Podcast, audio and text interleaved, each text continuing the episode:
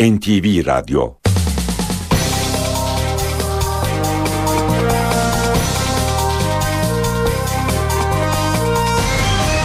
İşe Giderken Mutlu sabahlar. Ben Aynur Altunkaş. Bugün 11 Temmuz Perşembe işe giderkenle karşınızdayız. Saat 9'a kadar Türkiye ve dünya gündemindeki gelişmeleri, gazete manşetlerini, piyasa verilerini, yol ve hava durumlarını aktaracağız. İşe giderken gündemin öne çıkan başlıklarıyla başlıyor.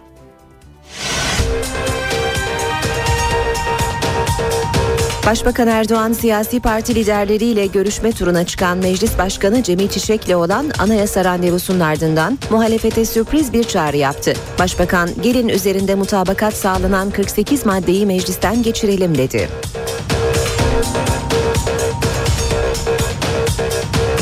Meclis Başkanı Cemil Çiçek de bugün saat 13.30'dan itibaren Anayasa Uzlaşma Komisyonu'nu tekrar göreve çağırdı, çalışma temposunu arttırma çağrısı yaptı.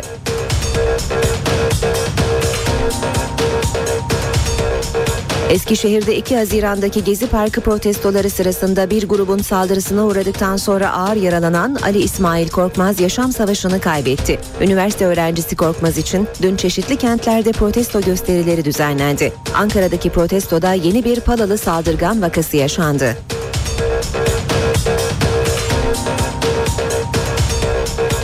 AK Parti ikinci önerge kazası yaşadı. AK Partili milletvekilleri teravih namazına gidince Meclis Genel Kurulu'nda çoğunluğu sağlayan muhalefet partileri torba teklifi deldi. CHP ve MHP'nin önergeleri kabul edilince Türkiye İstatistik Kurumu'nda daire başkanlarının atamalarında bakana yetki veren madde metinden çıkarıldı.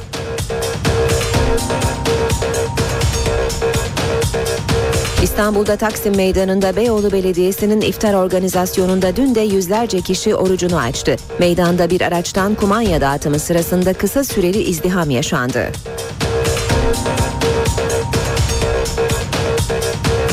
Bugün 8 bin kişinin hayatını kaybettiği Srebrenica katliamının 18. yıl dönümü. Anma etkinliklerine Kültür ve Turizm Bakanı Ömer Çelik de katılacak. Kimlikleri yeni teşhis edilen 400'den fazla kişinin cenazesi de bugün toprağa verilecek.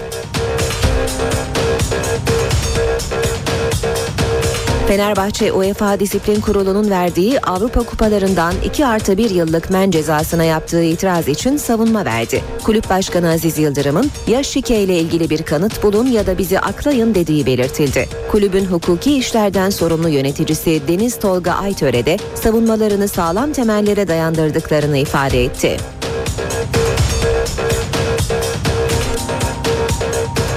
Beşiktaş'ta UEFA Tahkim Kurulu'nda bugün savunma yapacak. Kulüp Başkanı Fikret Orman beraberindeki heyetle İsviçre'ye gitti. Duruşma saati 9.30.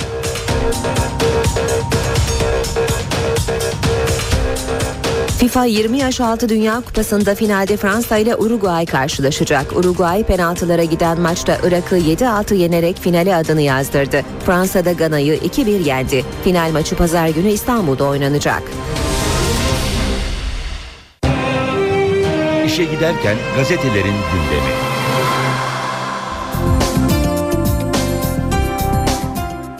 Gündemdeki gelişmelerin gazetelerdeki yankılarıyla devam ediyoruz. Milliyetle başlayalım. Gelin 48 maddeyi bir haftada çıkaralım diyor Milliyet manşette. Erdoğan anayasa için partilere tarihi çağrıda bulundu. Yoğun çalışın tatil matil yapmayın olağanüstü meclisi toplayalım günde 15 saat çalışın bu yaz içinde halledelim. Meclis Başkanı Cemil Çiçek muhalefet liderlerinin ardından dün Başbakan Erdoğan'la görüştü. Erdoğan madem muhalefet çalışmak istiyor çalışalım dedi. Kandil'den süreç ayarı diyor başlık. Çözüm süreci yeniden canlandı. KCK'daki sürpriz yapılanma da sürece uygun olan değişiklikler. BDP kaynakları çekilmenin %50'ye ulaştığını belirtiyor. Önceki akşam Başbakanlıkta yapılan zirvede gelinen aşama ele alındı. Adalet Bakanlığı da bir taraftan uzun tutukluluğu önleyen ve ifade özgürlüğünü genişleten bazı değişiklikler üzerinde çalışıyor. KCK'nın tepesine Cemil Bayık'ın gelmesi ve Murat Karayılan'ın örgütün silahlı kanadı HPG'nin başına geçmesi bu iklimde daha çok anlam ifade ediyor. İmralı Kandil hattındaki seri mektuplaşma sonucunda yapılan değişimde temel amaç süreçte bir kaza yaşanmaması. Devam edelim basın özetlerine işe giderken de. Milliyetin ardından Hürriyet'e bakacağız. Hürriyet'te ve Ali öldü manşeti var. Eskişehir'de 2 Haziran'daki Gezi Parkı eyleminde kimliği belirsiz kişiler tarafından saldırıya uğrayan üniversite öğrencisi 19 yaşındaki Ali İsmail Korkmaz kurtarılamadı. Anadolu Üniversitesi Eğitim Fakültesi İngilizce Öğretmenliği bölümü 1. sınıf öğrencisi olan Ali, AK Parti il binasına yürüyen 4000 kişinin arasındaydı. Ali, polisin gazlı ve sulu müdahalesi üzerine kaçtığı ara sokakta 5-6 sivilin sivilin saldırısına uğradı. Kaldırıldığı devlet hastanesinde bir şeyin yok diye evine gönderildi. Gece fenalaşınca tekrar hastaneye götürüldü. Beyin kanaması geçirdiği anlaşılınca üniversite hastanesine sevk edildi. İki gün sonra ameliyata alındı. Dün acı haber geldi. Kurtaramadık. Aile avukatının iddiaları şöyle, olay yerinde 17 gün sonra inceleme yapıldı, saldırganların bazılarında cop vardı diyen kişinin gizli tanıklık talebini savcı kabul etmedi, olay yerine ait hiçbir kamera kaydı bulunamadı, şu anda hiçbir tanık ve şüpheli yok. Kralın dolarları Sisi'yi kurtarır mı? Suudi Arabistan, Birleşik Arap Emirlikleri ve Kuveyt'in Mısır'da darbe sonrası kurulan yeni hükümete 12 milyar dolar yardım açıklaması tartışma yarattı deniyor Hürriyet'in haberinde. Müfettişin son dakika oyunu yine hürriyetten bir başlık. UEFA müfettişi Fernandez Palacios Fenerbahçe'nin tahkimdeki dünkü savunmasına saatler kala yeni belgeler sununca Başkan Aziz Yıldırım ve hukukçular İsviçre yolunda yoğun mesai yaptı. Radikalle devam edelim. Radikalde manşet o sopalar can aldı. Eskişehir'de kimliği belirsiz kişilerce sopalarla dövülen ve bir aydır yaşam mücadelesi veren Ali İsmail Korkmaz yaşamını yitirdi.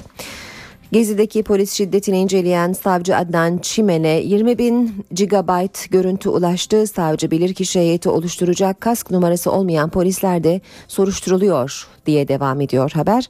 Cumhuriyet gazetesinde de manşette Ali de öldü e, diyor. Vicdanınız rahat mı diye de soruyor. Eskişehir'de gezi direnişi sırasında eli sopalılarca dövülen üniversite öğrencisi Ali İsmail Korkmaz'ın yaşam savaşını yitirdiğini ve böylece olaylarda ölenlerin sayısının 5'e yükseldiğini belirtiyor. Gezi intikamı bir diğer başlık. Direnişe destek veren Türkiye Mimar Mühendis Odaları Birliği'nin yetkileri gece yarısı operasyonuyla tırpanlandı. AKP yetkilerini daraltma gibi bir çalışmamız yok demesine e, karşın gezi eylemlerinde öne çıkan Türk Mühendis ve Mimar Odaları Birliği'ni işlevsizleştirmenin ilk adımını mecliste attı. Merkezi ve yerel yönetimlerin hukuk dışı projelerine karşı denetimi sağlayan birlikle üyeleri arasındaki mesleki denetim bağı koparıldı deniyor haberin ayrıntılarında. Devam ediyoruz basın özetlerine işe giderken de Habertürk'e bakalım. Habertürk'te Anayasayı halledelim başlığı manşette Meclis Başkanı Çiçek anayasa için tatil yok dedi. Erdoğan gelin 48 maddeyi çıkaralım çağrısı yaptı. Hürriyetle aynı haberi manşette veriyor Habertürk gazetesi. Devam ediyoruz. Yine Habertürk gazetesinden aktarmaya. PKK'da barış ataması Murat Karayılan yerine Cemil Bayık geldi demiş Habertürk gazetesi de. PKK üst yönetimi KCK konseyinde görev süresi biten Karayılan'ın yerine Cemil Bayık getirildi. Şahin kanattan Bayık'ın böylece sürece entegre edildiği söyleniyor. Güle kulak ameliyatı Cumhurbaşkanı Gül'ün geçen cumartesi İstanbul'da ameliyat geçirdiği açıklandı. Gül'ün sağ kulağının sağ kulağının orta kısmına protez takıldı. Akşam gazetesi var sırada Darbe Koruma Komitesi demiş akşam manşette. Af Örgütü ve Gazetecileri Koruma Komitesi'nden çifte standart. Türkiye'deki gezi olayları ve Brezilya'daki toplumsal tepkiyle ilgili uluslararası müdahale çağrısı yapan Af Örgütü ile Gazetecileri Koruma Komitesi'nin Mısır'daki demokratik yönetime el konulmasına darbe dahi diyememesi eleştirilere neden oldu deniyor haberde. Geçiyoruz e, Sabah gazetesine. Darbeci Paşa Sisi Türkiye'de sanık Ankara Cumhuriyet Başsavcılığı Mısır'daki darbeyi insanlık suçu kabul etti ve General Sisi ile 11 kişi hakkında soruşturma başlattı. Duran adama takipsizlik, savcılık gezi eylemlerine kıpırdamadan durarak destek verenlerin suç işlemediğine hükmetti diyor sabahın haberi. Yeni Şafak gazetesinde manşet Suudi, İsra, Suud, İsrail aynı çizgide. Mısır'daki demokrasiden korkan Suudi yönetimi Amerika ve İsrail'in yanında yer alarak darbecilerin finansörlüğünü üstlendi. Riyad Cunta'ya 5 milyar dolar sözü verirken Mısır'a yapılan yardımların kesilmesini tartışan Amerikan Kongresi üyelerini ikna etmek için İsrail'le lobi faaliyetlerine başladı. Zaman gazetesine bakalım. İstanbul'dan Suriye sınırına iftar kardeşliği diyor Zaman da manşette. Kilis iş dünyasının önde gelen isimleriyle Suriyeli mültecilerin iftar kardeşliğine sahne oldu. İstanbul'dan bir uçak dolusu iş adamı ilk iftarı Türkiye'ye sığınan Suriyelilerle birlikte yapmak için şehre geldi. İş adamı grubu iftardan önce evleri ziyaret ederek kumanya dağıttı. Duygulanların yaşandığı ziyarette misafirlere Kilis valisi Süleyman Tapsız ev sahipliği yaptı. Devam ediyoruz. Böylece e, basın özetlerinde son gazeteye geldik. Ceberut devlet geri geliyor demiş tarafta manşette. Geziyi yargıya taşıyan mimar ve mühendis odalarının yetkileri bir gecede alındı. Aynı torbayla aynı torbaya kişisel sağlık verilerini ortaya döken yasada eklendi demiş taraf gazetesi haberinde.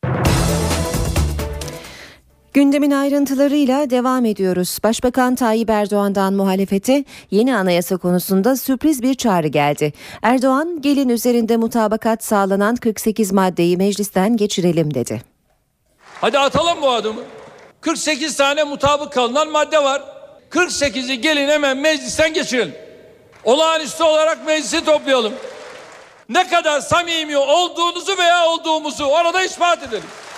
Başbakan Erdoğan, Meclis Başkanı Cemil Çiçek'le yaptığı anayasa görüşmesinin ardından muhalefete bu sözlerle seslendi. Memur Sen'in iftar yemeğinde konuşan Erdoğan, kendisine olumlu yanıt verecek liderlerle yeni anayasa yoluna devam edebileceklerini söyledi. İlla bunun içinde dört siyasi partinin dördünün de gelmesine gerek yok. Mecliste bu işi görüşerek yapmaya muktedir olan partiler olarak gelin yapalım.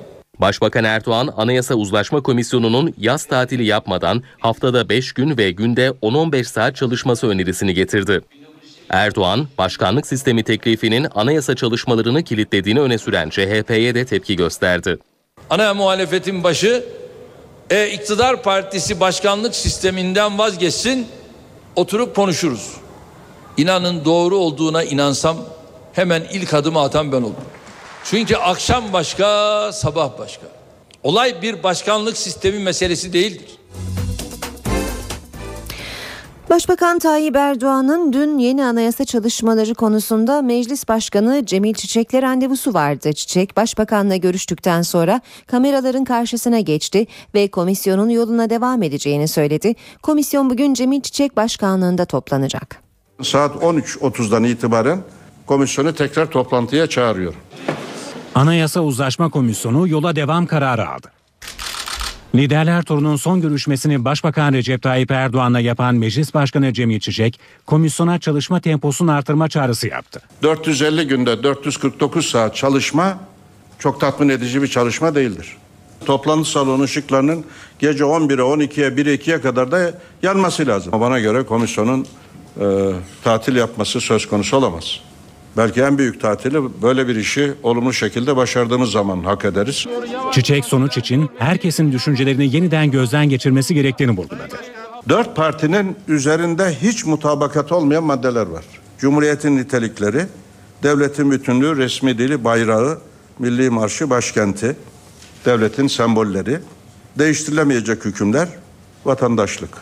Bu sekiz başlıkta dört siyasi partinin hiç mutabakatı yok. Meclis Başkanı yeni anayasa için süre vermekten kaçındı. Anayasa Uzlaşma Komisyonu yaklaşık 2 yıllık çalışma periyodu süresince 177 maddeyi masaya yatırdı. 48 madde üzerinde fikir birliği oluştu. 25 maddede de 3 parti uzlaşma sağladı, bir parti katılmadı. Geri kalan 104 maddede ise mutabakat sağlanamadı. AK Parti'nin Ocak 2013'te sunduğu başkanlık sistemi önerisi nedeniyle 39 madde ise hiç görüşlemedi.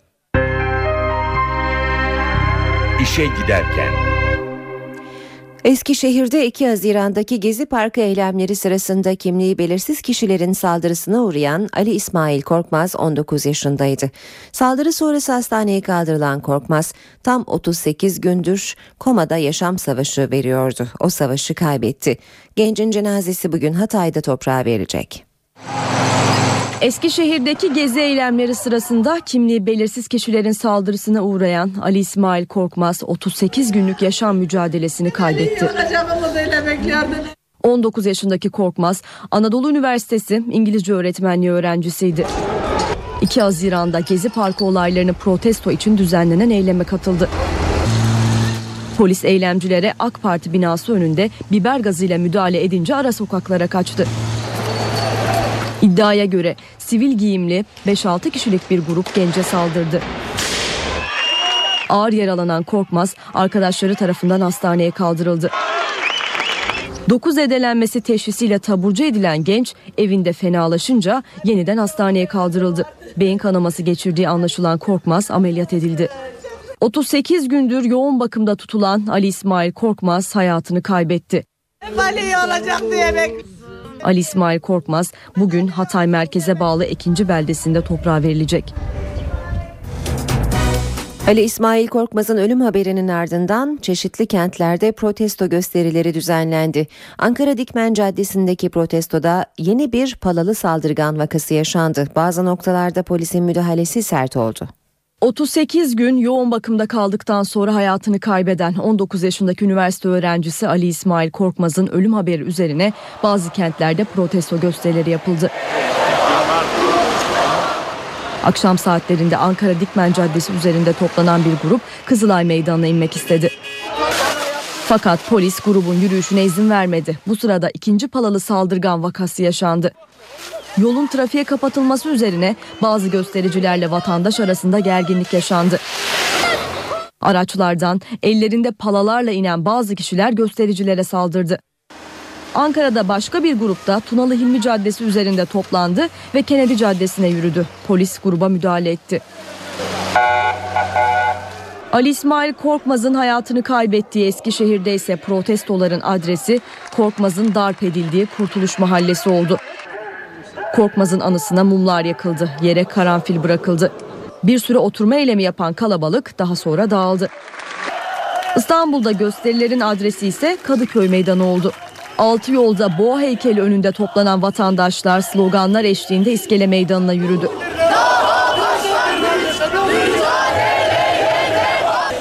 Göstericiler otobüse binemediği için İETT otobüsünün önünde eylem yapan bir engelliye de destek verdi. Ali İsmail Korkmaz'ın memleketi Hatay'da da protestolar vardı. Uğur Mumcu alanında toplanan kalabalık Cumhuriyet Meydanı'na yürüdü. Polis dağılın uyarısına uymayan gruba biber gazı ve tazikli suyla müdahale etti. Göstericiler ise polise taş attı, bir polis memuru yaralandı. Cumhuriyet Halk Partisi Gezi Parkı eylemleri nedeniyle tutuklanan 8 kişinin hapishanede kötü muamele gördüğü yönündeki iddiaların araştırılmasını istedi.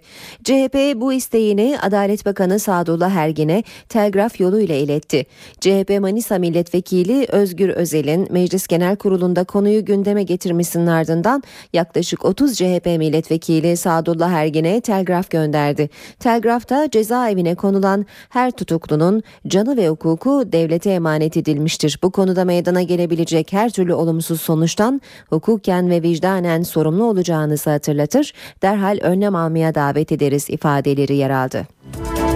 Mimar ve Mühendisler Odası düzenlemesi gezi cezası tartışması yarattı. Türkiye Mühendis ve Mimar Odaları Birliği'nin projelerden aldığı tasdik ücretinin yasaklanmasını öngören bir yasa önergesi verilmişti. Ancak önergeye muhalefetten ve birlikten tepki var. Türkiye Mimar ve Mühendisler Odaları Birliği'nin proje onaylarından aldığı tahsik ücretlerini kaldıran önerge siyasetin tartışma konusu. Muhalefet Türkiye Mimar ve Mühendisler Odaları Birliği'nin Gezi Park eylemlerine verdiği destek nedeniyle bu şekilde cezalandırıldığı görüşünde. Hükümet kim ve intikam duygularıyla hareket etmekte ve bunun cezasını o sivil toplum örgütlerine ve bu eylemler içerisinde yer alan o örgütlerin yöneticilerine kesmektedir. Sivil toplumu daha fazla etkin kılmak gerekiyor gerekirken her şeyi kendi tekeline alma, kendi iktidarına e, çerçevesi içerisine koyma inanılmaz bir e, iktidar obezitesidir bu. Oda temsilcileri de düzenlemenin arkasında Gezi Parkı eylemlerinin bulunduğunu savunuyor. Belediyelerde zaten yeterince bu zemin etütlerini değerlendiren mühendisler olmadığı için biz oda olarak bunu bir, bir şekilde çalışıp bunu takip eder idik. Şimdi bunu Çevre Bakanlığı'nın da yeterince uzmanı olmadığı için orada da adam gibi bunun yapılacağına e, biz e, inanmıyoruz. E, dolayısıyla bu bizi biraz İstanbul'da kaosa sokacak bir e, uygulama gözüküyor. Çevre ve Şehircilik Bakanlığı 1. Hukuk Müşaviri Bayram Keskin ise birliğin aldığı tahsik ücretinin yasaya uygun olmadığını iddia etti. Proje onaylayacak makamlar zaten imar kanununda düzenlenmiştir. Ee, imar kanununda öngörülmeyen yeni bir onay mekanizmasının bir kamu meslek örgüt tarafından e, kendisinin çıkarmış olduğu yönetmelik çerçevesinde istenmesinin yasal zemini yoktur. Bayram Keskin düzenlemeyle Mimar Mühendisler Odaları Birliği'nin gelirlerinin bakanlığa devredildiği iddialarını da reddetti. Yani Türkiye Mühendisler Mimarlar Odası Birliği'nin gelirden mahrum bırakılıp bu gelirlerin bakanlığa aktarılması söz konusu değildir. E, proje onay bedellerinin alınmasının önüne geçilmektedir. Dolayısıyla projelerin e, önü açılmaktadır. Bakanlığımızın bu yönde önergeyle, dün akşam verilen önergeyle e, gelir elde etmesi hedeflenmemiştir. Türk Mimar ve Mühendis Odaları Birliği vize ve onay yetkilerinin kaldırılmasını Çevre ve Şehircilik Bakanlığı önünde protesto etti. Birlik üyeleri dün akşam saatlerinde Selanik Caddesi'nde toplandı. CHP Genel Başkan Yardımcısı Gürsel Tekin, CHP İstanbul Milletvekili Süleyman Çelebi ve bazı milletvekillerinin de aralarında bulunduğu grup Çevre ve Şehircilik Bakanlığı'na yürüdü. Grup bakanlık önüne siyah çelenk bırakmak istedi ancak emniyet güçleri izin vermedi. Bunun üzerine grupla polis arasında kısa süreli arbede yaşandı. CHP'li vekiller arbedenin ardından siyah çelengi bakanlık binasının önüne bıraktı.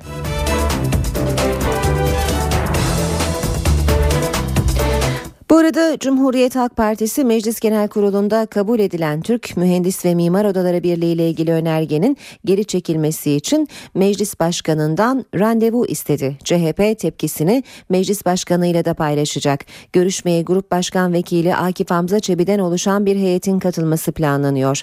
CHP iktidarın bu düzenleme ile Gezi Parkı eylemlerinin intikamını almak istediğini belirtiyor.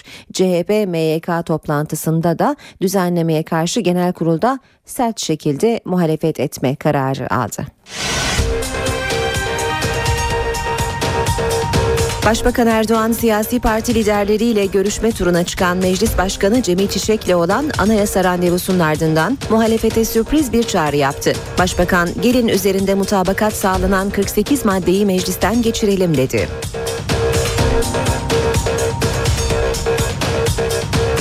Meclis Başkanı Cemil Çiçek de bugün saat 13.30'dan itibaren Anayasa Uzlaşma Komisyonu'nu tekrar göreve çağırdı, çalışma temposunu arttırma çağrısı yaptı.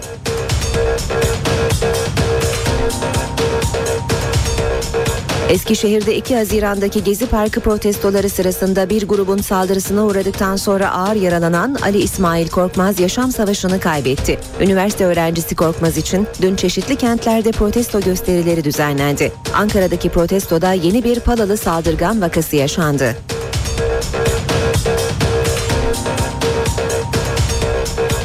AK Parti ikinci önerge kazası yaşadı. AK Partili milletvekilleri teravih namazına gidince Meclis Genel Kurulu'nda çoğunluğu sağlayan muhalefet partileri torba teklifi deldi. CHP ve MHP'nin önergeleri kabul edilince Türkiye İstatistik Kurumu'nda daire başkanlarının atamalarında bakana yetki veren madde metinden çıkarıldı.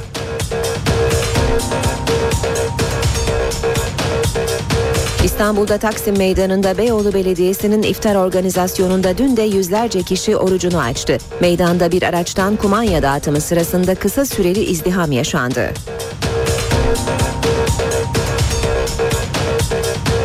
Bugün 8 bin kişinin hayatını kaybettiği Srebrenica katliamının 18. yıl dönümü. Anma etkinliklerine Kültür ve Turizm Bakanı Ömer Çelik de katılacak. Kimlikleri yeni teşhis edilen 400'den fazla kişinin cenazesi de bugün toprağa verilecek. Fenerbahçe UEFA Disiplin Kurulu'nun verdiği Avrupa Kupalarından 2 artı 1 yıllık men cezasına yaptığı itiraz için savunma verdi. Kulüp Başkanı Aziz Yıldırım'ın ya şike ile ilgili bir kanıt bulun ya da bizi aklayın dediği belirtildi. Kulübün hukuki işlerden sorumlu yöneticisi Deniz Tolga Aytöre de savunmalarını sağlam temellere dayandırdıklarını ifade etti.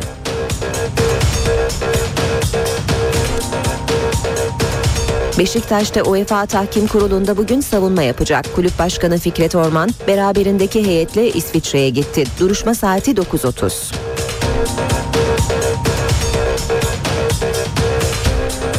FIFA 20 yaş altı Dünya Kupası'nda finalde Fransa ile Uruguay karşılaşacak. Uruguay penaltılara giden maçta Irak'ı 7-6 yenerek finale adını yazdırdı. Fransa'da Gana'yı 2-1 yendi. Final maçı pazar günü İstanbul'da oynanacak. İşe giderken gazetelerin gündemi.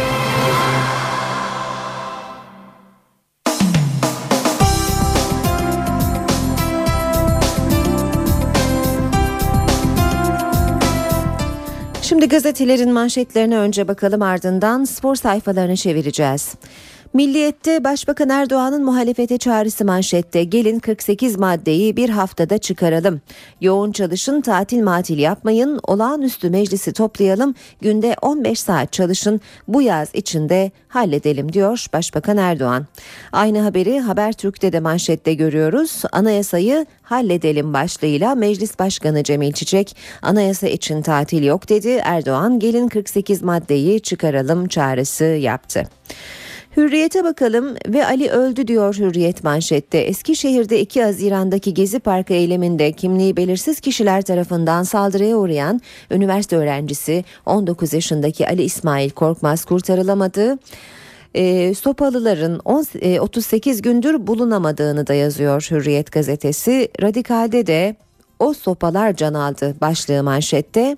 Korkmaz'ın otopsi raporunda kafasına aldığı darbe sonucunda öldüğü saptandı. Savcılığa ifade veren bir tanık polis ve sopalı sivillerden oluşan 5-6 kişilik bir grubun Korkmaz'ı dövdüğünü anlattı. Olayın gerçekleştiği sokaktaki 3 kameradansa görüntü çıkmadı. Cumhuriyet Gezi intikamı demiş manşette. Direnişe destek veren Türkiye Mühendis ve Mimar Odaları Birliği'nin yetkileri gece yarısı operasyonuyla tırpanlandı. AKP yetkilerini daraltma gibi bir çalışmamız yok demesine karşın gezi eylemlerinde öne çıkan Türk Mühendis ve Mimar Odaları Birliği'ni işlevsizleştirmenin ilk adımını mecliste attı. Merkezi ve yerel yönetimlerin hukuk dışı projelerine karşı denetimi sağlayan birlikle üyeleri arasındaki mesleki denetim bağı koparıldı. Sabahla devam edelim. Darbeci Paşa Sisi Türkiye'de sanık diyor sabah manşette. Ankara Cumhuriyet Başsavcılığı Mısır'daki darbeyi insanlık suçu kabul etti ve General Sisi ile 11 kişi hakkında soruşturma başlattı.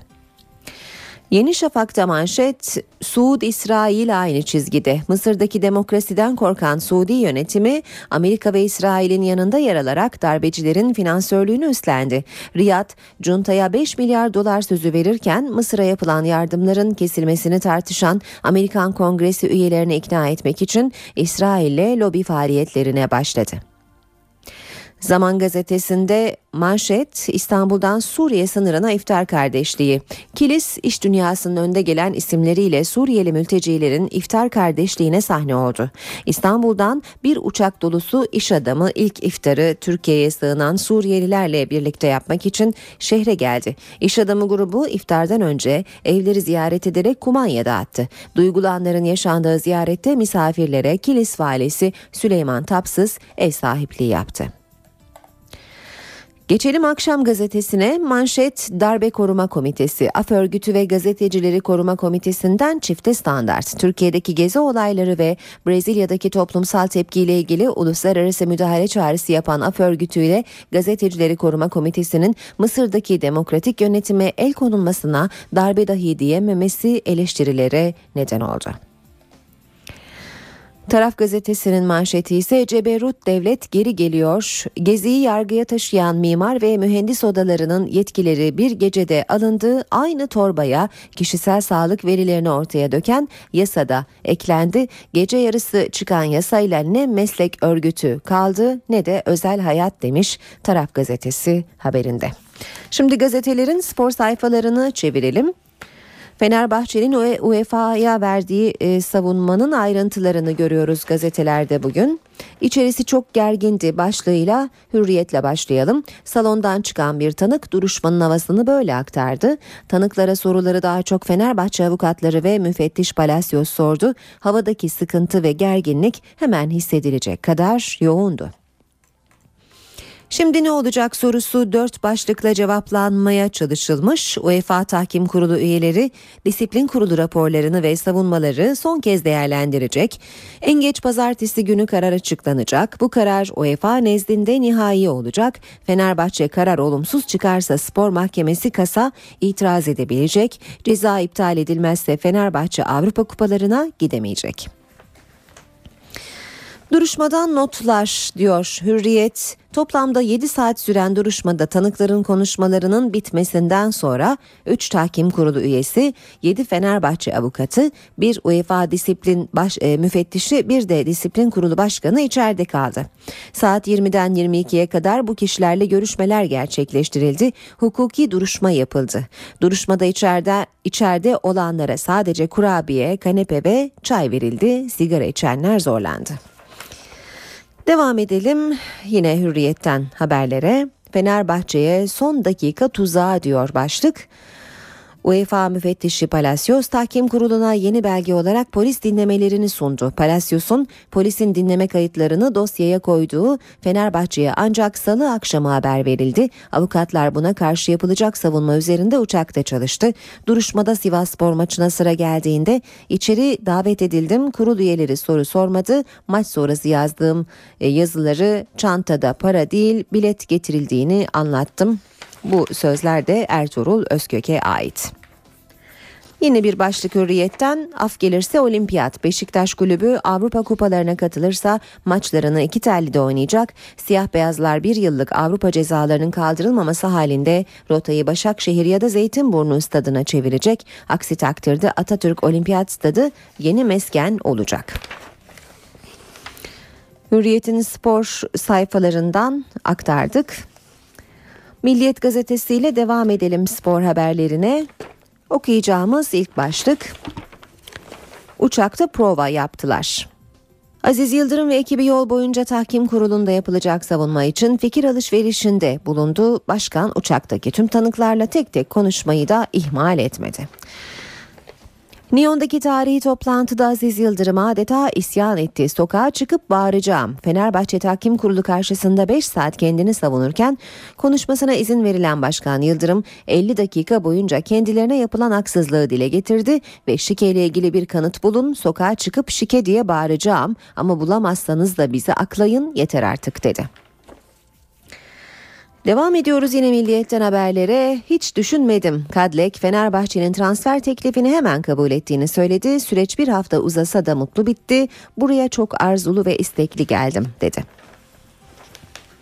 Muhammed sıra dışı diyor başlık. Teknik direktör Bilic yakın zamanda bazı kararlar verip takım listesini oluşturması gerektiğini belirtti.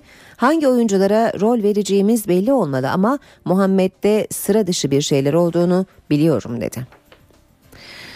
Kopya çekecekler. Beşiktaş Başkanı Fikret Orman'ın gece geç saatlerde Fenerbahçe Başkanı Yıldırım'dan tahkim kurulu toplantısı hakkında ayrıntılı bilgi aldığı öğrenildi. Kimler gidecek sorusuna yanıt veriyor Milliyet. Siyah beyazlı kulüp saat 9.30'da başlayacak duruşmada Serdal Adalı, Cengiz Zülfikeroğlu, Tayfur Avutçu, Ahmet Ateş, Profesör Doktor Oğuz Atalay, yardımcı doçent Burak Oder ve Mert Aykuda'yı tanık gösterdi. Avukat Ömer Durak, Serdal Adalı ve Tayfur Avutçu adına hem ziyaretçi hem de kanuni temsilci olarak duruşmaya katılacak. Milliyetten okumaya devam ediyoruz. Fransa finalde FIFA 20 yaş altı Dünya Kupası'nın yarı finalinde Gana'yı deviren Horozlar final biletini aldı. Turu Tauvi'nin golleri getirirken Fransa'nın finaldeki rakibi Uruguay oldu. Bir başlık daha okuyalım. Snyder geliyor. Galatasaray'ın Hollandalı yıldızı Birmingham kampındaki istekli görüntüsüyle alkış topluyor. Fatih Terim Snyder'le yaptığı görüşmede isteklerini sıralarken oyuncusuna güven oyu verdi. Bitiriyoruz böylece basın özetlerini ayrıntılı haberlerle devam edelim. İşe giderken. Başbakan Erdoğan Mısır'daki darbeyle ilgili bir kez daha konuştu. Uluslararası toplumun yeterince tepki vermediğini söyledi. Başbakan ayrıca darbe yapmayı hesaplayan herkes halkın tepkisini hesap etmek zorunda dedi. Uluslararası toplum Mısır'daki darbeye bırakın karşı çıkmayı buna darbe bile diyemedi. Kimisinde çıkar hesaplarını görüyorsunuz. Kimisinde para pul ilişkilerini görüyorsunuz.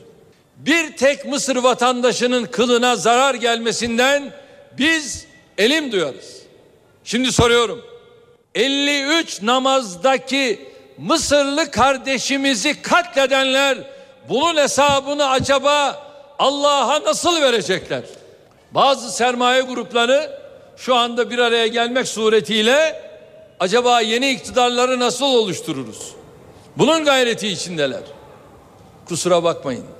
Bu ülkede evelallah artık halkın dediği olacak. İçinde bulunduğumuz coğrafyada klasik metotlarla operasyon yapmaya çalışanlar artık karşılarında halkları buluyorlar ve halkları bulacaklar. Artık suskun bir halk yok. Tıpkı Mısır'da olduğu gibi darbe yapmayı sandığı ve sandık sonuçlarını ortadan kaldırmayı hedefleyen herkes artık halkın tepkisini hesap etmek zorundadır. Türkiye'nin Kahire Büyükelçisi Hüseyin Avni Botsalı, Mısır'daki Türk vatandaşlarının tahliye operasyonunun henüz gündemde olmadığını söyledi. Paniğe gerek yok diyen Botsalı yine de vatandaşlara bazı uyarılarda bulundu. Büyükelçi vatandaşlarımızın bulundukları yerlerde bir günden fazla kalmaları gerekebilir, erzaklarını tamamlasınlar, yalnız başına sokağa çıkmasınlar, tanımadıkları kimselerin araçlarına binmesinler, gösteri alanlarından uzak dursunlar dedi. Mısır'da askeri rejimin muhalifi Müslüman Kardeşler Örgütü'nün lideri Muhammed Bedi hakkında yakalama emri çıkartıldı. Bedi 3 gün önce 50'den fazla kişinin öldürüldüğü saldırılarda şiddeti teşvik etmekle suçlanıyor. Kurulacak hükümetin başına getirilen eski Maliye Bakanı El Beblavi kabineyi oluşturma çalışmalarına başladı. İki oluşum Müslüman Kardeşler ve Selefiler kabinede yer almaya karşı. İşe giderken. PKK hem tepe yönetiminde hem de sisteminde değişikliğe gitti. Yaklaşık 15 yıldır KCK Yürütme Konseyi Başkanlığını yürüten Murat Karayılan'ın yerine eş başkanlık sistemiyle Cemil Bayık'la Bese Hozat getirildi. Toplantıdan çözüm sürecine tam destek kararı da çıktı. Teröre çözüm süreci devam ederken PKK'nın tepe yönetiminde değişiklik yapıldı. Örgüt yaklaşık 15 yıldan beri KCK Yürütme Konseyi Başkanlığı yapan Murat Karayılan'ın yerine bu göreve Cemil Bayık'la Bese Hozat'ı seçti. Tuncelili olan Hozat'ın eş başkanlık görevine getirilmesi Alevilere bir mesaj olarak değerlendirildi. Bir başka değişiklik ise örgütün silahlı kanadında yaşandı. Son iki dönem Suriye uyruklu Bahoz Erdal'la Nurettin Sofi'nin başında bulunduğu silahlı güçlerden artık Murat Karayılan sorumlu olacak. Karayılan'ın bu göreve getirilmesi sürecin ruhuna uygun bir seçim olarak değerlendiriliyor. Kongre Gel Başkanlığını uzun süredir yürüten ve daha çok Avrupa'da kalan Remzi Kartal'ın yanına da örgütün dağ kadrosunda bulunan Hacer Zagros eş başkan olarak getirildi. PKK'nın farklı ülkelerdeki üst düzey yöneticilerinin katıldığı genel kuruldan çözüm sürecine tam destek kararı çıktı. Örgüt hem yönetiminde hem de yönetim sisteminde değişikliğe gitme kararı aldı. Eş başkanlık sistemine geçildi. Ayrıca yeni süreçte izlenecek politikalar belirlendi. Demokratik Toplum Kongresi eş başkanı Ahmet Türk Aysel Tuğluk, Abdullah Öcalan'ın sağlık durumunun tespiti için bağımsız doktor heyetinin İmralı Adası'na gitmesini istedi. Türk ve Tuğluk'un Adalet Bakanlığı'na başvuru dilekçesinde Öcalan'ın ailesi ve BDP'li milletvekilleriyle görüşmelerde sağlık sorunlarından bahsettiği ifade edildi. Dilekçede bağımsız doktor heyetinin İmralı'ya giderek Öcalan'ın sağlık durumunun tespiti için çalışma yapması gerektiği belirtildi. Tunceli'de PKK'lılar tarafından 15 gün önce kaçırılan şantiye şefi serbest bırakıldı. 26 Haziran'da Pülümür'e bağlı Kaymaztepe köyü yakınlarında yol kesen PKK'lılar jandarma karakol şantiyesine giden şantiye şefi Abdullah Başyiğit'in bulunduğu aracı durdurmuş. Aracı yaktıktan sonra şantiye şefini kaçırmıştı. Başyiğit olaydan iki hafta sonra ilçe kırsalında serbest bırakıldı. İlçe jandarma komutanlığında ifadesine başvurulan şantiye şefinin sağlık durumu iyi. Tokat'ta 4 yıl önce 7 askerin şehit olduğu Sazak Jandarma Karakolu'nun da aralarında bulunduğu 13 karakol kapatıldı. Tokat Valisi Mustafa Taşkesen 13 karakolun İçişleri Bakanlığı'nın talimatıyla kapatıldığını açıkladı. Taşkesen kapatılmaların ekiplerin daha mobil olmasını sağlayacak yeni yapılanma çerçevesinde olduğunu söyledi. Kapatılan Sazak Karakolu'na 7 Aralık 2009'da PKK'lı teröristlerce düzenlenen saldırıda 7 asker şehit olmuştu. NTV Radyo Amerika Birleşik Devletleri'nde Boston Maratonu'nu kana bulayan bombalı saldırının zanlısı Johar Çarnayev ilk duruşmasında mahkemede kendisine yöneltilen suçlamaları reddetti. 19 yaşındaki Çarnayev 4 cinayetin yanı sıra yasa dışı silah ve kitle imha silahı kullanımını da kapsayan toplam 30 suçlamayla yargılanıyor. Çarnayev'in yargılandığı 30 suçtan 17'sinin üst ceza sınırı idam. 3 kişinin öldüğü maraton saldırısı sonrası düzenlenen operasyonda zanlı Johar Çarnayev yaralı, abi Tamerlan Çarnayev ise ölü ele geçirilmişti. Dağıstan asıllı kardeşlerin yakalandığı operasyon sırasında da bir polis memuru yaşamını yitirmişti. NTV Radyo Günaydın herkese yeniden ben Aynur Altunkaş. İşe giderkene Gökhan Abur'la hava durumunu konuşarak devam edeceğiz. Önce gündemin başlıklarını hatırlatalım. Başbakan Erdoğan siyasi parti liderleriyle görüşme turuna çıkan Meclis Başkanı Cemil Çiçek'le olan anayasa randevusunun ardından muhalefete sürpriz bir çağrı yaptı. Başbakan gelin üzerinde mutabakat sağlanan 48 maddeyi meclisten geçirelim dedi.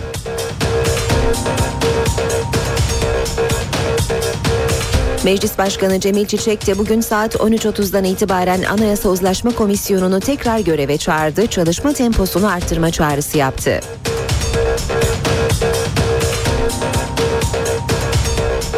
Eskişehir'de 2 Haziran'daki Gezi Parkı protestoları sırasında bir grubun saldırısına uğradıktan sonra ağır yaralanan Ali İsmail Korkmaz yaşam savaşını kaybetti. Üniversite öğrencisi Korkmaz için dün çeşitli kentlerde protesto gösterileri düzenlendi. Ankara'daki protestoda yeni bir palalı saldırgan vakası yaşandı.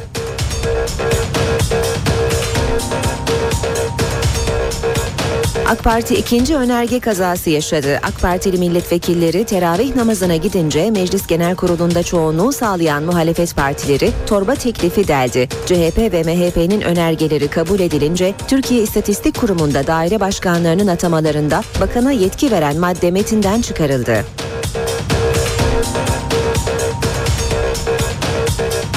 İstanbul'da Taksim Meydanı'nda Beyoğlu Belediyesi'nin iftar organizasyonunda dün de yüzlerce kişi orucunu açtı. Meydanda bir araçtan kumanya dağıtımı sırasında kısa süreli izdiham yaşandı.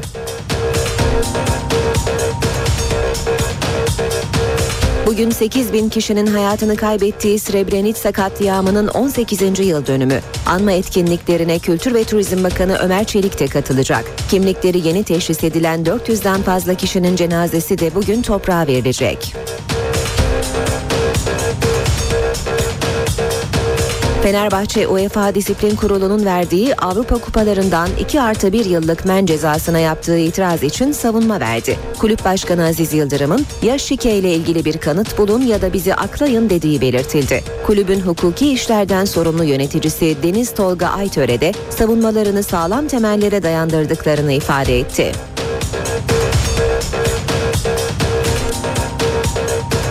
Beşiktaş'ta UEFA Tahkim Kurulu'nda bugün savunma yapacak. Kulüp Başkanı Fikret Orman beraberindeki heyetle İsviçre'ye gitti. Duruşma saati 9.30.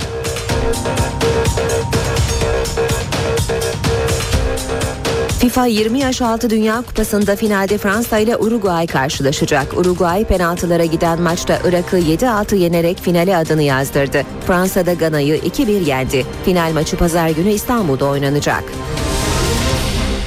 Gökhan Abur'la hava durumunu konuşacağız. Günaydın Sayın Abur. Günaydın. İstanbul'la başlayalım isterseniz. Erken saatlerde kentin kuzeyinde sağanak geçişleri oldu. Evet. Ee, bunlar öngörülebilen yaz sağanakları mıdır? Ee, gelip geçici midir? Ne dersiniz? Ee, bunlar çok kısa süreli yağışlar ve yağış başlamadan birkaç saat önce ihbarda bulunabileceğimiz tipteki yağışlar. Tabii nem oranı İstanbul'da oldukça yüksek. Evet. Ee, tabii kuzeyli rüzgarlar e, yıldızdan esiyor veya Poyraz'dan esiyor. Gün içinde Poyraz esiyor. Ee, belli seviyelerde havayı soğutuyor ve bulutlanmayı arttırıyor. Tabii bu tip bir yağışları ancak dediğim gibi birkaç saat öncesinden e, şuralara şu kadar miktar yağabilecek diye verebiliyoruz. E, şu anda İstanbul'da hava giderek e, açmaya başladı. Özellikle Boğaz kesiminde parçalı bulutlu bir hava var. Trakya tarafı zaten hava açmıştı o bölgede. Ama şu anda o bulutlar bir yani İstanbul'da sabah erken saatlerde kısa süreli yağış bırakan bulutlar şu anda biraz daha doğuya doğru gitti. Sakarya'nın ve Kocaeli'nin kıyı kesimlerinde hafif bir yağış bırakabilir. Yani o bulutlara bakarak eyvah gün içinde yağmur Hayır. yağacak hazırlıksız Bunlar çıktık çok lokal gibi. ve çok yerel yağışlardır. Mesela e, Bostancı'da sabahleyin yağış yoktu. Evet. Ama Maslak'a geldiğimde sabah erken saatlerde bayağı kuvvetli sağanak yağmur olduğunu gördük. Veya bu tip yaz şeyler halk Bizi deyimiyle yaz yağmurları. gerekir aslında. E tabi. Ama yani biz bu tip olayları zaten NTV grubu olarak e, gördüğümüz kısa süre içinde altyazı olarak e, ani değişimler varsa bunları Evet. mutlaka gerek radyomuzda gerek televizyonlarımızda vermeye çalışıyoruz. Bugün için aslına bakarsan e, doğuda e, yağış var. Doğudaki yağışlar e, Kars Ardahan arasında daha kuvvetli olmak üzere Rize Artvin arasında yağış var. E, ki yağışlar Erzurum'dan başlayarak hafif olarak Kars Ardahan'da giderek kuvvetlenecek. Gün içinde iç kesimlerde yağış bekliyor. Özellikle Kütahya, Eskişehir, Bolu arasında yine kısa süreli yağışlar var. Akdeniz boyunca rüzgarların güneye dönmesi nemi yeniden arttırmaya başladı. Bir hayli yüksek nem var dolayısıyla Akdeniz'de bulunanlar hem yüksek sıcaklık hem yüksek nemden dolayı bir hayli bunalacaklar. Çünkü rüzgarlar da çok kuvvetli değil. Ee, Güney Ege'de ise kuvvetli karayel var. Günlerdir olduğu gibi yine Bodrum civarında karayel öğle saatlerinde oldukça kuvvetli esecek. Ya, hızı yaklaşık 45-50 kilometrenin üzerine çıkacak bir karayel var. Marmara'da günlerdir olduğu gibi bugün de öğle saatlerinde özellikle İstanbul Boğaz girişinde daha kuvvetli olmak üzere Poyraz yönlü rüzgar var. İstanbul'da şu anda hava sıcaklıklı sıcaklığı 23-24 dereceler civarında değişiyor. Boğaz biraz daha serin. Bugün İstanbul'da beklediğimiz hava sıcaklığı 30 derece olacak ama e, Sarıyer başta olmak üzere Boğaz'daki sıcak, sıcaklıklar 28 fakat rüzgardan dolayı hissedilen sıcaklıklar yine 3-4 derece daha aşağıda. Gece sıcaklığı ise 21 derece. Gece rüzgar biraz yavaşlıyor. Ankara bugün biraz bulutlanacak. Sıcaklık gündüz 31, gece ise 19 derece olacak. İzmir'de ise merkezde rüzgar zayıflıyor. Sıcaklık gündüz 33, gece ise 25 derece olacak. Çeşme'de rüzgarın sert olması hem bölgedeki sörfçüler için hem de bölgede yaşayanlar için biraz da olsa rahatlık verecek gibi gözüküyor. Çeşme'deki sert karayel yönlü rüzgar. Evet bizleri bekleyen koşullar genelde böyle. Teşekkür ediyoruz. Kolay gelsin. İşe giderken gazetelerin gündemi.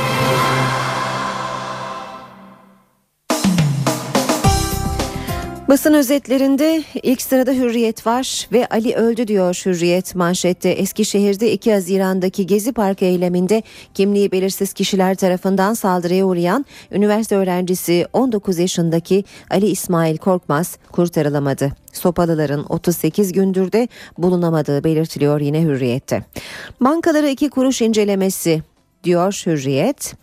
BDDK Merkez Bankası'nın geçen pazartesi günü 2.25 milyar dolar sattığı halde doların sadece 2 kuruş düşmesini araştırmak üzere bankalarda inceleme başlattı. BDDK 8-9 Temmuz tarihlerinde bankaların ihaleler ve müşteri işlemlerine ilişkin tüm ayrıntıların talep edildiği incelemeyi doğruladı. BDDK ayrıca e, bu incelemenin rutin bir uygulama olduğu yönünde de bir açıklama yaptı. Milliyet gazetesine bakalım. Gelin 48 maddeyi bir haftada çıkaralım. Başbakan Erdoğan'ın muhalefete çağrısı manşette Milliyet'te yoğun çalışın tatil matil yapmayın. Olağanüstü meclisi toplayalım. Günde 15 saat çalışın bu yaz içinde halledelim diyor Başbakan Erdoğan. Devam ediyoruz. Ee, basın özetlerine işe giderken de sırada Cumhuriyet var. Gezi intikamı diyor manşeti Cumhuriyet'in. Direnişe destek veren Türkiye Mühendis ve Mimar Odaları Birliği'nin yetkileri gece yarısı operasyonuyla tırpanlandı. AKP yetkilerini daraltma gibi bir çalışmamız yok demesine karşın gezi eylemlerinde öne çıkan Türk Mühendis ve Mimar Odaları Birliği'ni işlevsizleştirmenin ilk adımını mecliste attı. Merkezi ve yerel yönetimlerin hukuk dışı projelerine karşı denetimi sağlayan birlikle üyeleri arasındaki mesleki denetim bağı koparıldı.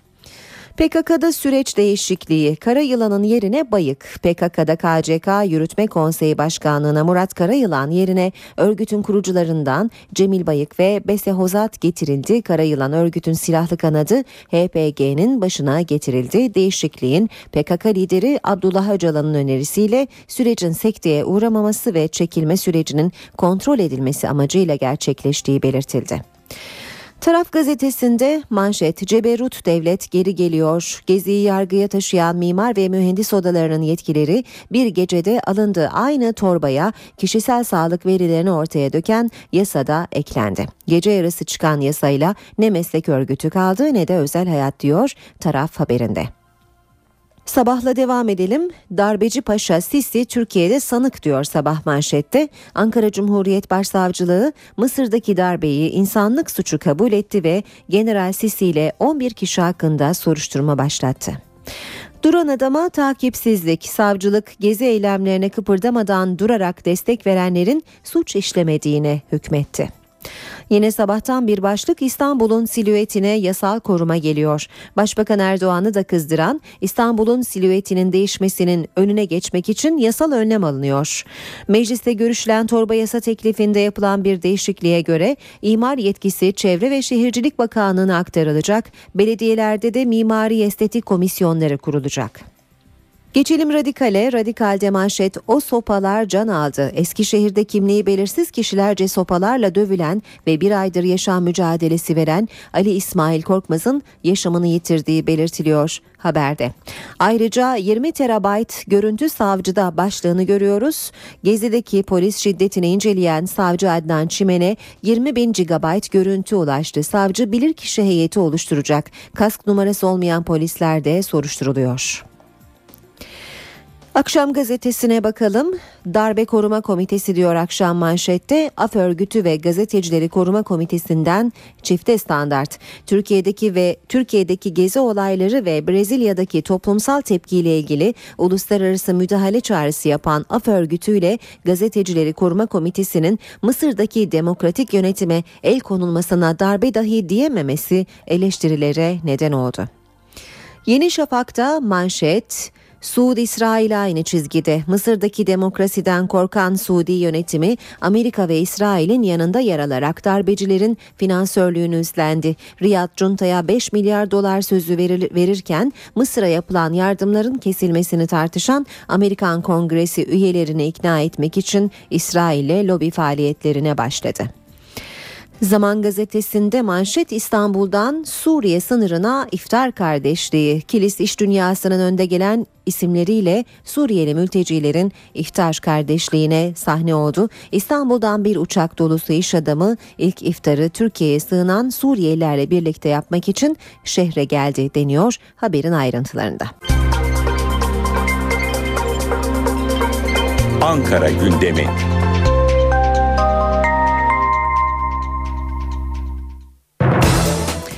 İşe giderken de bu sabah başkentten karşımızda Gökhan Gerçek var. Gökhan günaydın. Günaydın aynı. Meclis Başkanı Cemil Çiçek liderler turuna çıkmıştı. Ardından komisyonun yoluna devam edeceğini söylemişti. Şimdi komisyon hemen bugün toplanıyor mu Gökhan? Neler söyleyeceksin? Evet saat 13.30'da toplanacak devam kararı alındı. Cemil Çiçek e, dün en son Başbakan Erdoğan'la bir görüşme gerçekleştirildi ve e, uzlaşma istiyorsak düşüncelerimizi gözden geçirmemiz ve daha çok çalışmamız gerekiyor dedi. E, açıkça söylemek gerekirse çok da mesafe kat edememişti meclis uzlaşma komisyonu yaptığı çalışmalar sonucunda. Cemil Çiçek e, meclis başkanına iki, ikinci kez seçildikten sonra liderler turuna çıktı. Liderler turundan çıkan sonuç devam kararıydı. Başbakan Erdoğan'la en son görüştü Cemil Çiçek e, ve e, yeni anayasa için çalışmaya devam edeceklerini açıkladı. E, ancak e, Çiçek yeni anayasa için süre vermekten kaçındı. Uzlaşma komisyonu yaklaşık iki yıldır çalışmalarına e, devam ediyor. 177 maddeye masaya yatırdı bugüne kadar 48 madde üzerine fikir birliği oluştu. 25 maddede de 3 parti uzlaşma sağladı. Bir parti katılmadı. Geri kalan 104 maddede ise mutabakat sağlanamadı. AK Parti'nin Ocak 2013'te sunduğu başkanlık sistemi önerisi nedeniyle e, 39 madde ise hiç görüşülmedi. Evet e, partiler şu an için uzlaşma sağladı ama madde madde tartışmaların devam edeceğini söyleyebiliriz. Bugün saat 13.30'da Cemil Çiçek Başkanlığı'nda komisyon bugün toplanacak Aynur. E, gündemde bugün takip edeceğiniz diğer başlıklar neler Gökhan? Evet aslında bugün Perşembe Devletin Zirvesi için haftalık olan görüşme günü fakat olan görüşmeler bugün başkent Ankara'da değil İstanbul'da gerçekleşecek. Cumhurbaşkanı Abdullah Gül, Başkan Erdoğan ve İmit Müsteşarı Hakan Fidan'la Gezi Parkı eylemleri ve çözüm süreci e, ve tabii Mısır'da yaşanan gelişmeleri konuşacak. E, Meclis Başkanı Cemil Çiçek belirttiğimiz gibi yeni anayasa için çıktığı liderler turunun ardından uzlaşma komisyonu çalışmalarına devam edeceğini açıklamıştı. Komisyon bugün Cemil Çiçek Başkanlığı'nda saat 13.30'da toplanacak. Bakanların programları var. Çalışma ve Sosyal Güvenlik Bakanı Faruk Çelik, Hak Genel Başkanı Mahmut Aslan'ı kabul edecek. Gıda Tarım ve Hayvancılık Bakanı Mehdi Eker, Güvenli Hayat ve Güvenli Gelecek için Çocuk ve Gençler Sosyal Koruma ve Destek Programı kapsamında Şanlıurfa'dan gelen bir grup lise öğrencisini kabul edecek. Bugün Enerji ve tabii kaynaklar bakın Taner Yıldız'ın da programı var. Ege Bölgesi Sanayi Odası Yönetim Kurulu Başkan üyelerini kabul edecek Taner Yıldız. Mecliste de gündem var oldukça çarpıcı bir gündem var önemli bir gündem var daha doğrusu. Meclis Genel Kurulu'nda bugün 100 bin sözleşmeliği devlet memur kadrosuna alan torba yasa tasarısının görüşme, görüşülmelerine e, devam edecek. Evet başkentin gündeminin e, satır başları bu şekilde. Gökhan teşekkür ediyoruz kolay gelsin. İşe giderken.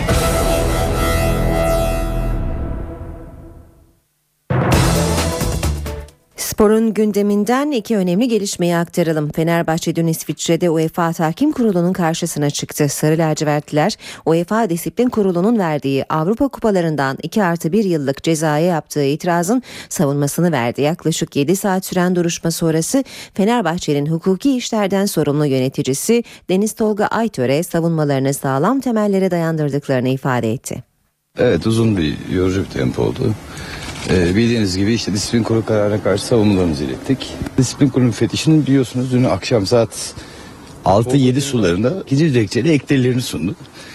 Ee, bu delilleri tabii daha önceki olmayan delilleri ve işte konuşma tapeleri e, daha ilginci sadece birinci etik kurulu raporuna dayanan delillerdi. Biz de bunlara karşı savunmalarımızı sunduk. E, tanıklarımızı dinlettik. Burada adı geçen kişilerin ifadelerini ortaya koyduk. Bizim delillerimiz çok net, çok ortada. Ee, sizin cımbızla çekip aldığınız bazı konuşma tepeleriyle koskoca bir camiayı e, bu kadar önemli spor adamlarını bu şekilde bu kadar ağır cezalarla yargılayamazsınız dedik.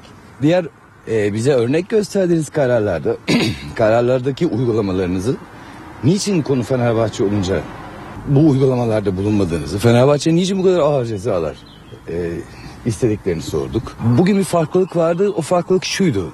Disiplin müfettişinin e, daha önce kullanmadığı argümanlar kullanmaya başlamasıydı.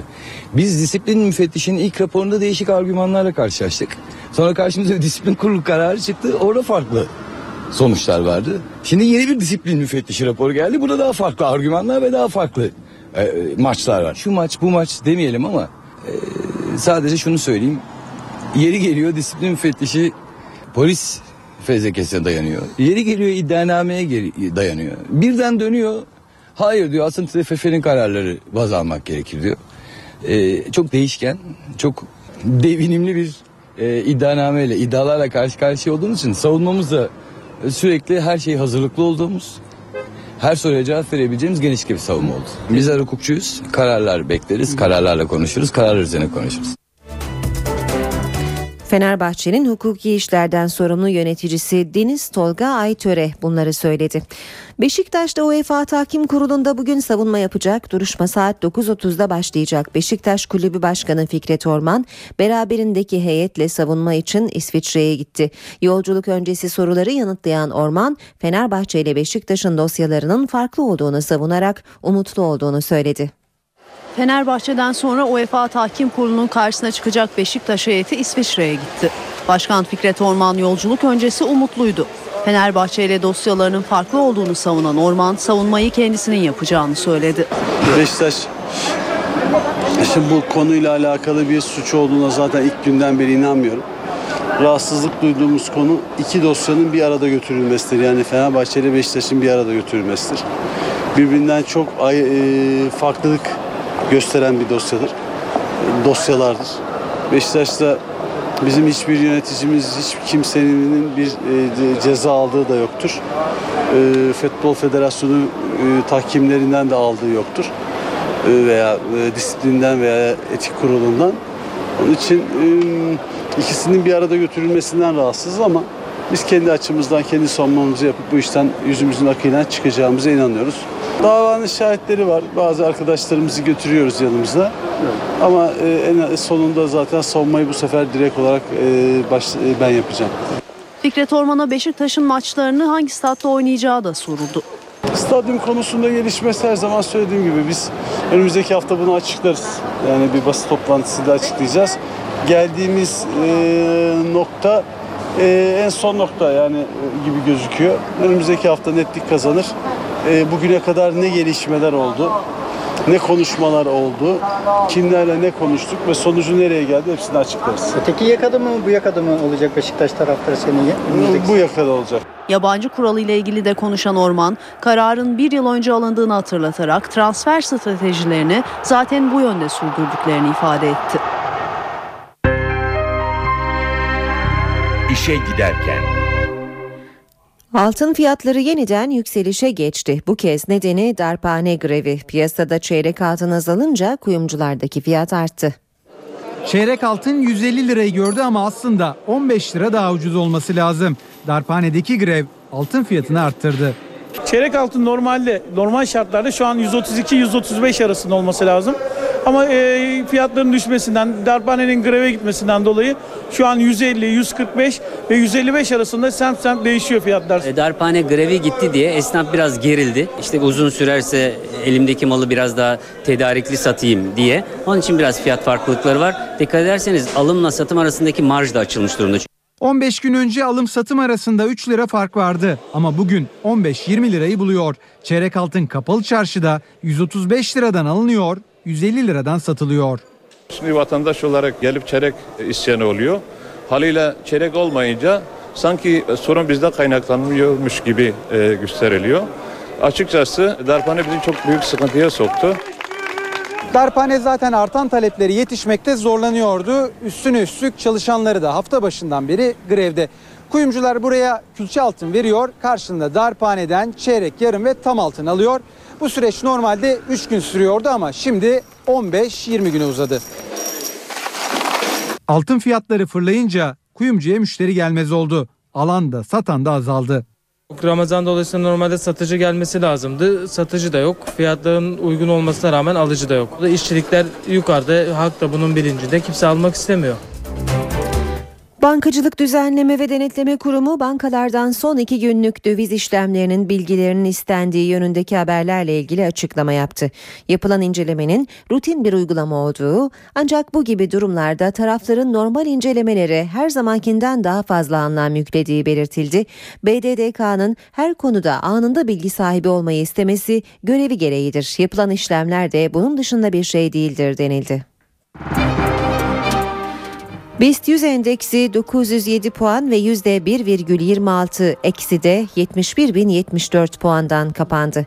Bu sabah dolar 1.93 euro 2.54'ten işlem görüyor. Euro dolar 1.31 dolar yen 99 düzeyinde.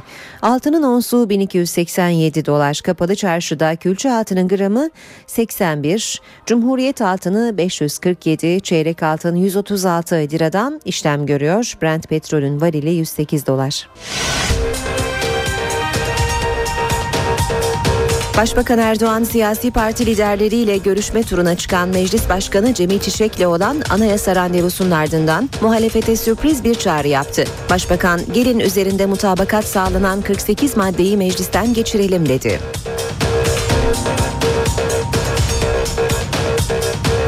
Meclis Başkanı Cemil Çiçek de bugün saat 13.30'dan itibaren Anayasa Uzlaşma Komisyonu'nu tekrar göreve çağırdı, çalışma temposunu arttırma çağrısı yaptı.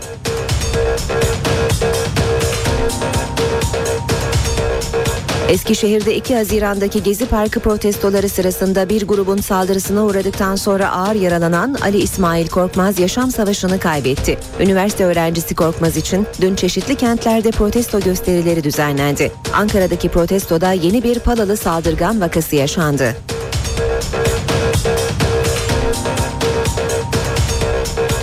AK Parti ikinci önerge kazası yaşadı. AK Partili milletvekilleri teravih namazına gidince Meclis Genel Kurulu'nda çoğunluğu sağlayan muhalefet partileri torba teklifi deldi. CHP ve MHP'nin önergeleri kabul edilince Türkiye İstatistik Kurumu'nda daire başkanlarının atamalarında bakana yetki veren madde metinden çıkarıldı.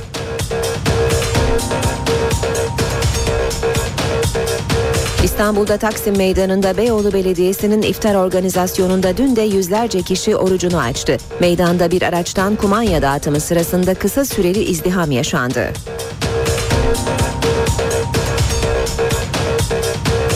Bugün 8 bin kişinin hayatını kaybettiği Srebrenica katliamının 18. yıl dönümü. Anma etkinliklerine Kültür ve Turizm Bakanı Ömer Çelik de katılacak. Kimlikleri yeni teşhis edilen 400'den fazla kişinin cenazesi de bugün toprağa verilecek. Fenerbahçe UEFA Disiplin Kurulu'nun verdiği Avrupa Kupalarından 2 artı 1 yıllık men cezasına yaptığı itiraz için savunma verdi. Kulüp Başkanı Aziz Yıldırım'ın ya şike ile ilgili bir kanıt bulun ya da bizi aklayın dediği belirtildi. Kulübün hukuki işlerden sorumlu yöneticisi Deniz Tolga Aytöre de savunmalarını sağlam temellere dayandırdıklarını ifade etti.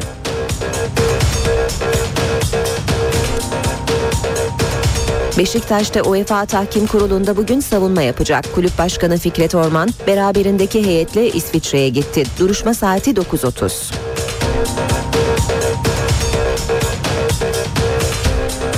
FIFA 20 yaş altı Dünya Kupası'nda finalde Fransa ile Uruguay karşılaşacak. Uruguay penaltılara giden maçta Irak'ı 7-6 yenerek finale adını yazdırdı. Fransa'da Gana'yı 2-1 yendi. Final maçı pazar günü İstanbul'da oynanacak.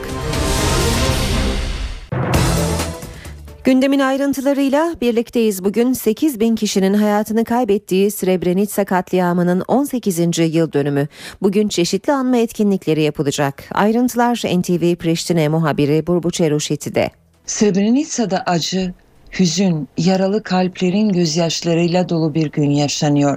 Srebrenica soykırımının 18. yıl dönümünde Potoçari Anıt Mezarlığı'nda cenaze töreni düzenlenecek. Anıt mezarlığındaki törene binlerce kişinin katılması bekleniyor. Kimlikleri yeni teşhis edilen 409 kişinin cenazesi kılınan namazın ardından toprağa verilecek. Aralarında katliam sırasında öldürülen yeni doğan bir kız bebek 14 ile 18 yaşları arasında 44 çocuk da var. 409 tabutta sırlar, acılar. 409 cenazenin hikayesi saklı. Yeni doğan bebeğin hayat hikayesi ise başlamadan son buldu. Onun suçu neydi? Bu yılki cenaze töreninin ardından toplam 6066 Srebrenica soykırımının kurbanı defnedilmiş olacak. 11 Temmuz 1995'te Srebrenica'yı koruyan Hollandalı BM askerlerinin Bosnalı Sırpların kasabayı ele geçirmesine göz yummasının ardından yaşanan soykırımda aralarında çocuklarında bulunduğu 8 binden fazla boşnak öldürülmüştü. Srebrenicalı annelerin acılarla dolu gözyaşları, kanayan yaraları son nefeslerine kadar akmaya devam edecek. Dünyaya ise hüzün dolu kalpleriyle Srebrenica unutulmasın, Srebrenica tekrarlanmasın mesajını gönderiyorlar. Burbuša Rušiti, NTV, Priştine. İşe giderken CHP Genel Başkan Yardımcısı Gürsel Tekin, Şafak Pavey'in İstanbul Büyükşehir Belediye Başkanlığı'na aday olduğu iddialarını yalanladı. Gürsel Tekin katıldığı bir iftar programında gazetecilerin sorularını yanıtladı. Şafak Pavey'in İstanbul Büyükşehir Belediye Başkanlığı'na çok yakışacağını söyleyen Gürsel Tekin, ama şu anda ne gündemimizde olmuş ne de böyle bir şey konuşulmuştur dedi. İstanbul Kadıköy'deki Kuş Dili Çayırı alışveriş merkezi olacaktı ama itirazlar üzerine yeşil alana dönüştürülmesi gündemde. Çayırın tamamen yeşil alana dönüştürülmesi bu hafta Büyükşehir Belediyesi Meclisi'nde ele alınacak ve kesin karar çıkacak. Tepkiler sonuç verdi. İstanbul Kadıköy'de bulunan Kuşdili Çayırı'na yapılacak alışveriş merkezi projesinde geri adım atıldı. Çevre ve Şehircilik Bakanlığı Kadıköylülerin itirazlarını dikkate alarak inşaat alanını 150 bin metrekareden 20 bin metrekareye indirdi. 5'te 4'lük bölümü yeşile çevrilince geri kalan bölümü AVM yapma imkanı olana kalmadı. Bakanlığın bu kararının ardından İstanbul Büyükşehir Belediyesi Planlama Müdürlüğü projenin tamamen iptaline ilişkin teklifini komisyona sundu. Kesin karar bu hafta belediye meclisinden çıkacak. Kurbağadere üzerinde Kurbağadere ıslah e, çalışması var. Yani bu kadar güzel bir çalışmayı yaparken onun kenarlarının da böyle çay bahçeleri yeşil olması kadar güzel bir şey olamaz. Kuşdili Çayırı şu anda otopark olarak kullanılıyor. AVM projesi tamamen iptal edildiği takdirde burası yeşil alana dönüştürülecek. 7 bin aşkın itiraz dilekçesiyle belediyeye başvuran Kadıköylüler gelen haberden memnun. Kadıköylülerin istek ve taleplerini e, göz ardı etmedi sağ olsun. E, bu karardan ben oldukça memnunum. Kızım da çok memnun. Bizler de çayır ve halka açık bir yer olarak kalmasından yanayız ve bugünkü haber bizi çok memnun etti. Yeşil alan olması bizim için daha iyi. İnsanlar daha rahat gezebiliyor. Daha sosyal aktiveleri olabiliyor. AVM olduğu zaman bir kutunun içinde kapalı bir şekilde kalıyorlar. Şiddet gören ve evden kovulan kadınların mağduriyetini engellemek için yeni bir düzenleme getirildi. Mağdur kadın tapu eşinin üzerine dahi olsa bu konut sadece kocamın değil aile konutudur şerhini koydurabilecek. Böylece eşten izinsiz konut satılamayacak. Düzenleme her iki taraf için de geçerli olacak. Artık tapu sahibi olmayan eş evin aile konutu olduğunu yargıya gerek kalmadan kanıtlayabilecek. Yeni düzenleme Aile ve Sosyal Politikalar Bakanlığı'nca meclise sunulan torba yasada yer alıyor. Bayanlar bilinçsiz bu konuda. Tabii bilgilendirilmesi lazım. İyi bir şey tabii ki medeni kanunda olması gereken bir şey. Kadını korumak lazım. Zaten adliyelerde şimdi kadın hakları merkezi diye merkezler kuruldu. Herkes kendi hakkını arayabiliyor yani. Türkiye'deki tapuların yaklaşık üçte ikisi erkeklerin üzerine kayıtlı. Yeni düzenlemeyle aile konutu şerlerinde mahkeme kararı alınmasına gerek kalmayacak. Evlilik cüzdanı ve ikametgahla tapu müdürlüklerine başvurmak yeterli olacak. Üzerine kayıtlı olmayan eş, örneğin kadın ikametgah sureti ki o evde yaşadığını gösterilecek. Nüfus sureti ya da evlilik cüzdanı ki evli olduğu görülecek. Gidip tapuya hiç harç ödemeksizin sıfır masrafla burası aile konutudur şerhi koydurabilir. Avukat Hülya Gülbahar'ın konuyla ilgili bir de önerisi var. Otomatik şerh konmasını e, sağlamak mesela kendiliğinden hiç kimsenin başvurmasına gerek olmadan bir aile konutu alındıysa e, tapu müdürlüğünün sorması ve kendiliğinden burası aile konutudur e, diye şerh düşmesi pratik bir yöntem olur. Yeni düzenlemeyle eşlerin ortak rızası olmadan evler satılamayacak, ipotek ettirilemeyecek. Bu haberle işe giderken sona eriyor. Gelişmelerle saat başında yine birlikte olacağız. Editör masasında Safiye Kılıç, teknik yapımda Mehmet Can Bağatır ve Emre Köseoğlu ve ben Aynur Altunkaş. Mutlu bir gün geçirmenizi diliyorum. Hoşçakalın. NTV Radyo